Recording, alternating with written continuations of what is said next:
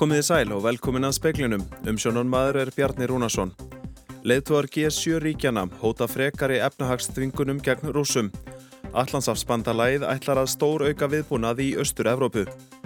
Forsættisraðra segir að hertar aðgerðir þýði ekki beina aðkomi Íslands. Hér snúi þær fyrst og fremst að mannúðarmálum, móttöku flottamanna og auknum fjárfestingum í netöryggismálum. Laumæður tveggja barna Sæfas Siselski sem dændar voru 154 miljónir króna í bætur í dag telur vísta niðurstaðan hveti aðra afkomendur í Guðmyndar og Gerfinnsmálunu til að gera kröfur á hendur ríkisjóði.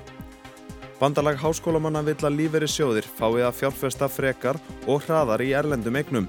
Það er í mótsögn við tilugu frumvars fjármálar á þeirra. Líklegt er að ráðast þurfi í lagfaringar til bráðabyrða í flugstöðun á Akureyrarflugvelli til að greiða fyrir auknu mittilandaflugi þar í sumar. Nánast allir leðtóar vestrætna ríkja voru saman komnir í Brussel í dag. Þrýri mikilvægir leðtóafundir voru haldnir á vettvangi NATO, ESB og G7 ríkjana. Hingaði komin Ólöf Ragnarstóttir fréttamaður. Ólöf, hver eru helstu tíðindin af öllum þessum fundarhöldum? Svo umræðnið var það sama, innrásúsa í Úkrænu og viðbröðu henni. Dagurinn hófst á neyðarfundi leiðtóa Allandsrafs bandalagsins og eins og við var að búast var það samþygt að stór auka viðbúnaði í Östur-Európu og fjárframlög til varnamála og að auki fær Úkrænu stjórn aukin stöðning í formi hergagna. Og það var líka rætt sérstaklega um mögulega nótkunn efnavapna sem hefur mikið verið í umræðinni Frettamenn spurðu Joe Biden, fórseta bandaríkjana, um akkurat þetta og frettamannafundi, bara núna rétt fyrir frettir og hann var spurður hvort hann gæti lagt fram einhver handbær gögn um þetta og hver viðbröðin yrðu ef að af þessu verður og heyrum aðeins hverju hann svaraði. You know, on the first question I can't answer that. I'm not going to give you intelligence data, number one. Number two, we would respond. We would respond if he uses it. The nature of the response would depend on the nature of the use. Biden segist þannig að ekki geta lagt fram neinn gögn.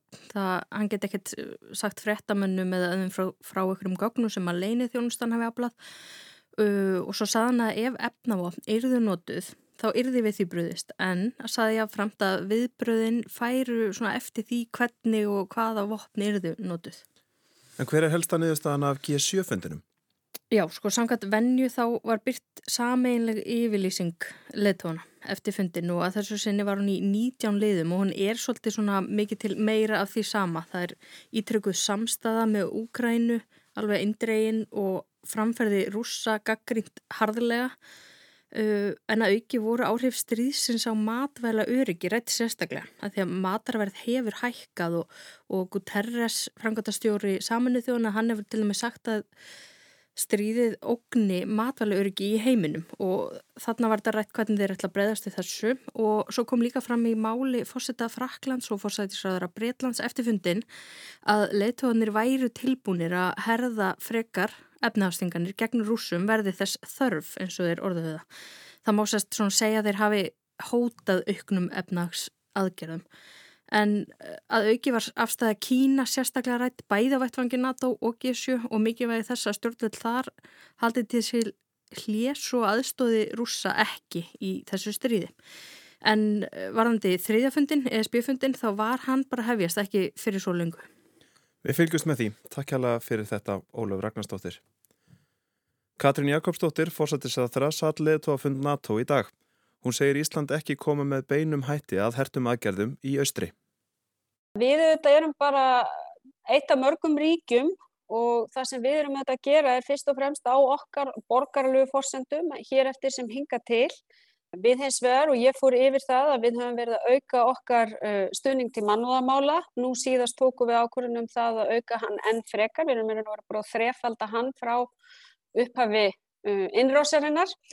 E, við fórum yfir hvað við höfum líka verið að gera varandi mótku flótamanna sem og þær fyrirætlanir sem við erum með um að auka fjárfestingu sérstaklega sviði neturikismála. Þetta var Katrín Jakobsdóttir, við heyrum nánar í henni síðar í speklinum. Hérastómur Reykjavíkur dæmdi Íslenska ríkið í dag til að greiða Lilju Jensen og Viktori Siselski Jensen, börnum Sævars Marinós Siselski, samanlagt 154 miljónir króna í bætur. Frá því dragast tæp, tæpar 90 miljónir sem þau höfðu áður fengið greittar úr ríkisjóði. Sískininn höfðu krafist þess að fá 495 miljónir króna kvort í sinn hlut, samtals tæplega 1 miljard. Domstólinn vísaði hins vegar frá dómi kröfu þeirra um bætur fyrir fjártjón Sæfars. Hann er eitt þeirra sem voru sakveldir í Guðmundar og Gerfinnsmálinu í hæstaretti 1980 en síknaðir við endur upptöku málsins 2017. Þá var Sævar látin. Þessi nýjustæld, hún hafi það verkum að, að fleiri aðstandendur eða afkomendur muni fara sem leið? Já, ég tel það að vísta að þeir muni nú fari þetta far og, og gera kröfur á hendur ríkisjóði. Segir Ragnar Aðalsteinsson, lögmaður barnana, í viðtali við Solveig og Klöru Ragnarsdóttur. Nánar má lesa um málið á rúf.is. Bandalag háskólamanna telur brínt að hlutfall erlendra eigna líferissjóða hækki í 65% hraðar en fjármálar á þeirra leggur til í nýju lagafrumarfi.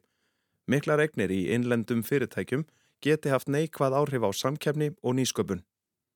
Lagt er til í frumvarpi ráð þeirra að heimild lífeyrissjóða til að fjárfesta Erlendis verði aukinum 1% stig á ári á 15 ára tímabili og verði að hámarki 65% af eignum lífeyrissjóða árið 2038 í stað 50% nú. Vilhjálmur Hilmarsson, hagfræðingur bandalags háskólamanna, segir brínt að hraða ferlinu eins og kostur er. Við teljum þetta bara vera allt á hægt og muni setja lífeyrissjóðunum mikla skorður í fjárfestingum og það sé bara skadalegt fyrir samfélagið og sjósfélag. BHM leggur til að ferlinu veri hraðað um minst 5 ár og að árleg hækkun verði 1,5% stig og jafnvel meira ef efnahagslegt svigrum er fyrir því. Lífverðisjóðunir eiga orðið 34% af allir fjármjörnegn á Íslandi. Það er að segja þriðjung af öllum eignum og þetta verður hækkað mjög mikið á síðasta áratug og að þetta heldur áfram þá munir þetta til dæmis hafa skali áhrif á samkeppni á markaði. Eh, þetta gæti skapað eignabólur en svo líka bara fyrir sjósfélagana. Við sjáum ríkistafsmenn hjá LSR, um, þeir munir brátt bera aukna áhættu af uh, þessu þakki. Við getum ekki sagt okkur við það að, að ríkistafsmenn beri áhættu að takmörku um fjárfæstikakostum í Ísland. Segir Vilhjálmur Hilmarsson, Alma Ómarsdóttir talaði við hann. Innviðar á þeirra telur að uppbygging og þróun í millilandaflugi til Akureyrar og Eilstaða gangi hraðar fyrir sig en reiknað var með. Viðbúið sé að ráðast þurfi í lagfaringar til bráðabyrða á Akureyrarflugvelli til að greiða fyrir aukinni flugumferð þar í sumar. Í kjölfar aðalfundar Ísafíja og Akureyri í gær var sérstakur umræðu fundur um stöðu og horfur í flugmálum og meðal annars rættu um millilandaflug um flugvellina á eigilstöðum og Akureyri. Þar voru nýlega settar 40 miljónir krónar til markasetningar og Sigurður Ingi Jóhansson innviðar á þeirra segir að ríkisvaldi muni halda áfram þeirri uppbyggingu sem þegar er hafinn. Og ég get svo bara staðfast það að við erum áfram að byggja upp bæði flugvöllin eða fluglaðið og flugstöðuna hér á Akureyri og við erum áfram með þau blön að gera eilstaði að svona megin varaflugvelli. Og ráð þeirra hann fagnar áformum nýja flugfélagsins næsir sem hegst hefja middelandaflugum Akureyri sumar og þeim umsvifum sem því fylgja. Og svona miða við þau blön sem að maður hefur heyrt að, að, að þau séu jafnvel ganga hraðar með þess viðsmyndi sem við vorum að tegna upp þegar að starfshópurinn á mínu vegum var að vinna fyrir, já, þreymur árum. Áformað er að taka nýja flugstöði nótkun og akkurýri fyrir ástlokk en viðbúið er að ráðast fyrir einhverja breytingar þar í sumar til að greiða fyrir auknum umsvifum. Það er bæði áhugi hjá, hjá Ísafja og heimaðilum og öllum að láta þetta ganga og koma þá að einhverjum breytingum, lagfæringum sem gera það verkum að, að þetta gangi nú smurt fyrir sig. Verður þú sett eitthvað sérstatt fjármagn í það? Já, það er verið að skoða það, hvort að það þurfi að setja sérstatt fjármagn eða hvort það sé hægt að leysa það með einfaldari leiðum en oft kostar nú hlutnir einhverja peninga samt. Saði Sigurður Ingi Jóhansson, Ágúst Ólafsson talaði við hann.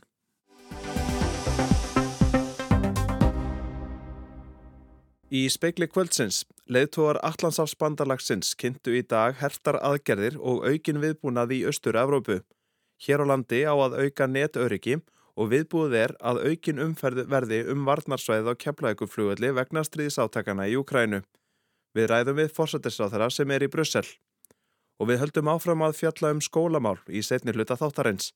Menta og barnamálar á þeirra bindur vonir við að ný mentastefna og ný lögjöf um farseld mingi meðal annars það bil sem er á milli skólakerfa og mismun á milli skóla í þjættbíli og í dreifðari byggðum. En við byrjum í Brussel. Leðtóar Allandsafsbandalagsins samþyktu á fundi sínum í dag aukna hernaðar aðstóða til Úkrænustjórnar í formi skreðdrega, loftvarnakerfa og dróna. Þá verða fjárframlög til varnarmála stór aukinn. Einning ætlar NATO að veita Úkrænu stuðning til þess að bregðast við mögulegum efnavopna árásum. Í dag er réttur mánuður síðan innrás rúsa hófst í Úkrænu. Hátsettur yfirmaður hjá Allandsafsbandalæginu tilur að á bylnu 7-15.000 rúsneskir hermenn hafi fallið í innrásinni. AP fréttaveitan hefur eftir sama manni að áallar megi að 30-40.000 rússar séu særðir eða látnir eftir bardaga. Rúsnesk yfirvöld hafa ekki gefið út tölur um mannfall í rauðum innrásarhersins frá því annan mars þegar greint var frá að 500 læju í valnum. Til samanburðar má geta þess að 15.000 sovjaskir hermenn fórust meðan á tíu ára hernámi Afganistan stóð 1979 til 1989. Úkrænumenn hafa sömu leiðis látið lítið uppi um fjölda fallina en fyrir halvu mánuði saði Volodymyr Selenski fórseti að þeir væru um 1300.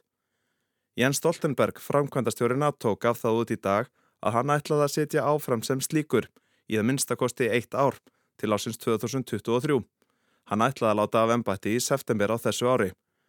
Það hefur verið fundað stíft í Brussel í dag. Leðtúar G7-ríkjana funduðu setnipartin.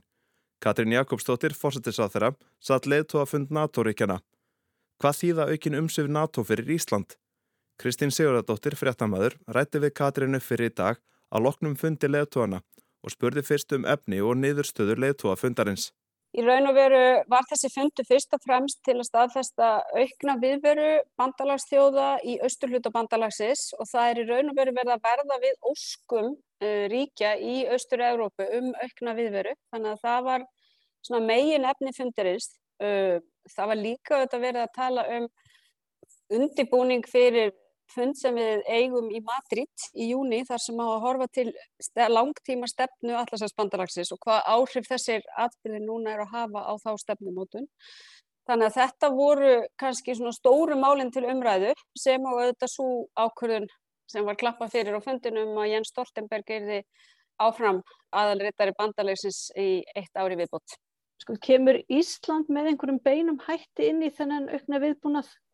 Já, við auðvitað erum bara eitt af mörgum ríkjum og það sem við erum auðvitað að gera er fyrst og fremst á okkar borgarlegu fórsendum hér eftir sem hinga til.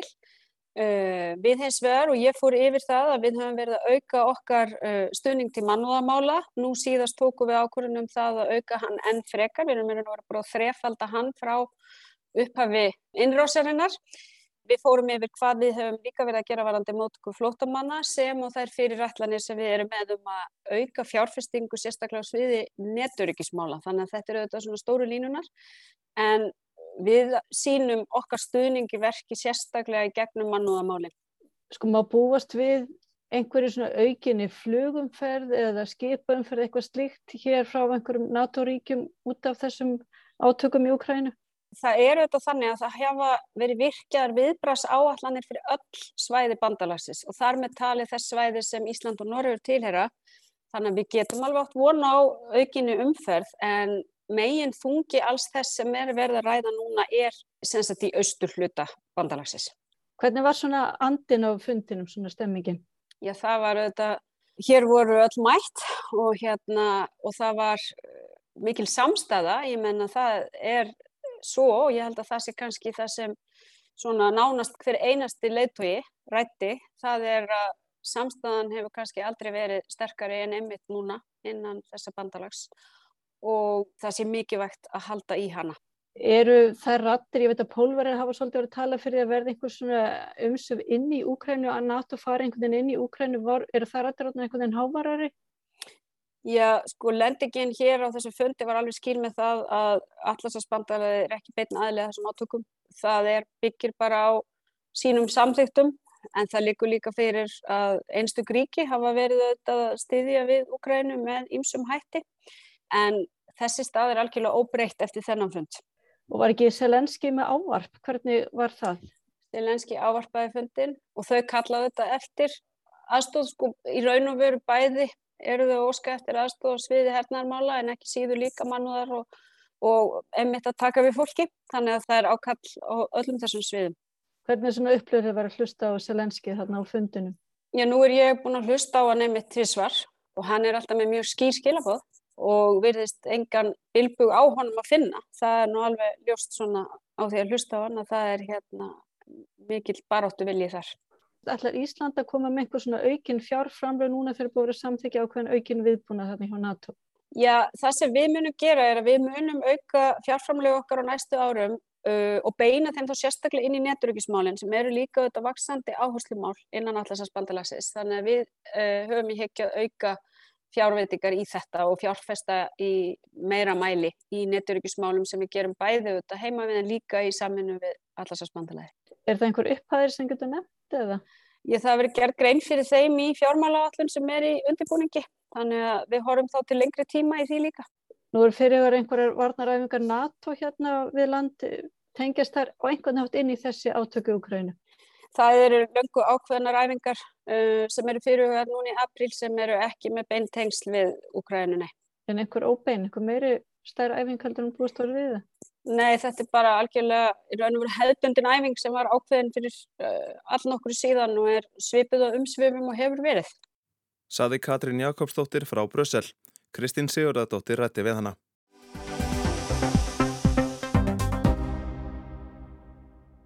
Ný mentastefna og breytt farsaldar lögjöf ættu að bæta stöðu skólakerfisins og stöðu barna.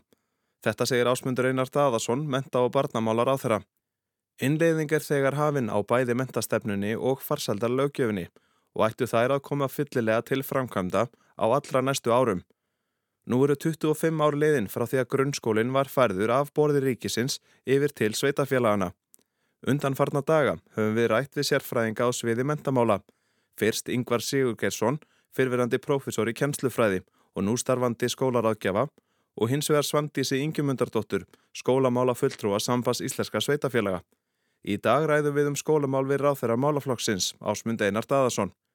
Yngvar benti meðal annars á í máli sínu að margt væri vel gert, en aftur á móti væri staða minni sveitarfélaga sláandi mikið verri en þeirra starri. Hvað sé ráþeirann fyrir sér að hægt sé að gera til að breyðast við þessu, svo að börn fái viðurandi mentun óháð búsetu? Ég held að, og ég tek undir með að margt hefur gengið vel, uh, og nú er ég ekki sérfræðingur í skólamálum, ég var að segja fyrir viðtæli að ég var 14 ára þegar grunnskólu var fluttur yfir, þannig að það er ekki, ég bý ekki við þeirri reynslu að geta metið þetta sem stjórnmálamæði fyrir og eftir, en, en það, ég held að það sem að skipti máli í þessu er að, að við þurfum að fara að horfa á sko, skóla þjónustuna miklu heilstæðara. Og, og það, sem að, uh, það sem við erum að leggja grunninn að núna bæði í nýri mentastefnu uh, en lík, með því að horfa heilstækt á skólaþjónustu þar en líka í nýri farsældarlögjöf þar sem við ætlum að horfa á alla þjónustu allstaðar við börn heilstækt og er núna verkefni í nýju ment og barnamálurand að gera það. Þannig að þá, þá held ég að við þurfum að taka skólaþjónustuna með sama hættu og við erum að taka félagslegu úrræðin til endurskoðunar og endur skoða þau eiginlega svolítið frá grunni. Og það verður verkefni núna uh, þessa kjörtímabils, það er að gera það og vinna líka með þessa reynslur, reynslusögur að, og reynsluna sem hefur byggst upp á þessum 25 ára tíma.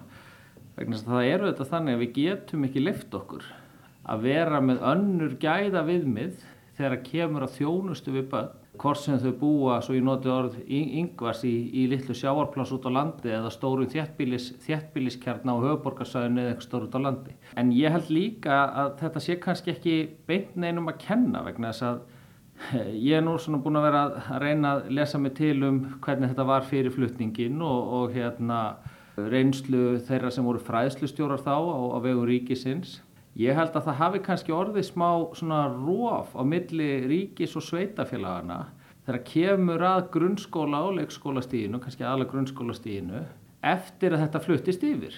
Stærri sveitafélagin hafa, hafa haft svona kapasitet eða getu til þess að byggja upp, uh, byggja upp heilstæða þjónustu á meðan að minni sveitafélagin sem að, sem að í gegnum þáverandi fræðslustjóra sem að voru á vegum ríkisins voru svona brúin yfir í þjónustu úrræði, í ofinberð þjónustu úrræði og maður hefur svona tilfinningunni að, að, að það hafi verið svona uh, ríkið hafi á, eitthvað, á, á þeim, þeim tíma haft svona getu til þess að skapa meiri sveianleika í skólunum heldur en minnstu sveitafélagin hafa en stærri hins vegar hafi bólmag til þess að gera og þetta er eitthvað sem að, uh, er verkefni sem við þurfum að, að nálgast bara þannig sko. Ég held þetta snúist ekki um að segja heyrðu sveitafélagin hafa klúrað þessu eða ríki hefur klúrað þessu heldur held ég við þurfum bara að horfast í augu við það þarna, þarna hafi myndast einhvers konar, einhvers konar rof eða gjá sem við þurfum að hugsa hvernig við, hvernig við brúum. Fyrst og síðast held ég við þurfum að þóra að hugsa hlutinu svolítið upp á nýtt sko. Við þurfum að þóra að fara inn í þessa umræðu Uh, og, og vera tilbúin til að leggja spilin á borðið og segja heyrðu, getur við gert þetta einhvern veginn öðruvísi? Getur við skipulað skólaþjónustun öðruvísi? Getur við nálgast þetta öðruvísi horst í augu við þá og ekki að kenna kannski neinum um það, hvorki ríkin eða ríkið eða, eða sveitafélagin en það er alveg ljóst samt að, að, að, að eftir því sem sveitafélagin eru minni að þá eðlimál sangkvæmt er geta þeirra minni til að byggja upp þessa heilstæðu þjónustu sem þarf á halda. En þá geta þau auðvitað unnið líka saman. Og við sjáum það í málefnum fallasfólks til að mynda þar hafa sveitafélagin verið að vinna saman á ákveðnu svæðum í byggðasamlöguð með einhverju slíku til þess að, til þess að geta skapa, skapa þá nöðsölju sérfræði þekking og þjónus sem þarf og, og það þurfum við líka að vera tilbúin til þess að horfa á. Maður efast ekki um að sveitafélag stór og smá vilja veita góða þjónustu fyrir, fyrir grunnskóla og, leikskóla og þetta snýst þegar öllur á botni kvöld alltaf um peninga að þetta kostar. Er eitthvað í þessari nýju mentarstefnu sem að gerir sveitafélagunum auðveldara með að standa ströyma af þessu kostnæði? Já, það er þannig að, að við erum að gera ráð fyrir því að, að, að á næstu árum uh, fari til mentastefnunar þær fjárhæðir sem við teljum þurfa til þess að innleiða fyrstu aðgerðaráallunna þar. Þar erum við til að mynda að tala um bara svo dæmi séu tekið uh, 50 til 100 miljónir í geðhilbrið í skólum sem er nýtt til þeirra verkefna sem að uh, mentastefnan leggur upp með. Það er að innleiða þrepaskiptan stuðning í geðheilbriðstjónustu inn í skólunum. Svandís Ingemyndadóttir, skólamála fulltrúi Sambands Íslenska Sveitafélaga, hún talaði aðeins um samfelluna í skólakerfunu, að börn eigi að fá þá þjónustu sem að þau þurfa á milli skólakerfa, talaði þar sérstaklega um bilið á milli grunnskólans og framhaldsskólans, að framhaldsskólan er að þeir geti valið sér inn nefnendur en þjónustan fylgir ekki endilega á milli þegar mm -hmm. þau þurfa kannski að flytjast á milli landsluta eða eitthvað slíkt. Hvað serðu fyrir þér í þeim efnum? Sko, ég er bara algjörlega uh, hjartanlega sammála þarna. Þarna, við, þarna erum við með uh, eitt dæmi um að við höfum kannski svolítið farið í, skulum við segja, séum först í okkar svona í törnunum svolítið og það er engum að kenna heldur. Þetta hefur bara, hefur bara gerst. Þetta er hluti af hugsunin um að byggja upp heilstaða skólaþjónustu. Þetta er hluti af því sem ávarpað er í mentastefnunum, það hvernig við byggjum upp heilstaða skólaþjónustu þvert á, á, á stig. Hluti af því er að þjónustan fylgi barninu frá leikskóla, eða í réttar að segja frá mæðra eftirlit upp í leikskóla, frá leikskóla upp í grunnskóla, frá grunnskóla upp í framhaldsskóla. Uh, og, og við erum núna að, að undirbúa það, uh, þannig erum við líka með að í framhaldsskólanir eru líka undir nýju ráðandi ment og barnamála. Uh, þeir þurfa líka innlega farsældar hugsunna þar sem akkurat snýr að því að þjónustan fylgi barninu gegnum lífsferil þess. Það á ekki að koma róf þegar að barnið er 16 ára og fer í framhaldsskóla og við erum núna bara sem dæmi á mánudaginn er svona fyrsti vinnufundur minn með uh, skólamesturum og, og, og forstöðumönnum allra framhaldsskóla á landinu og yfirskrift þess fundar er farsælt í framhaldsskóla.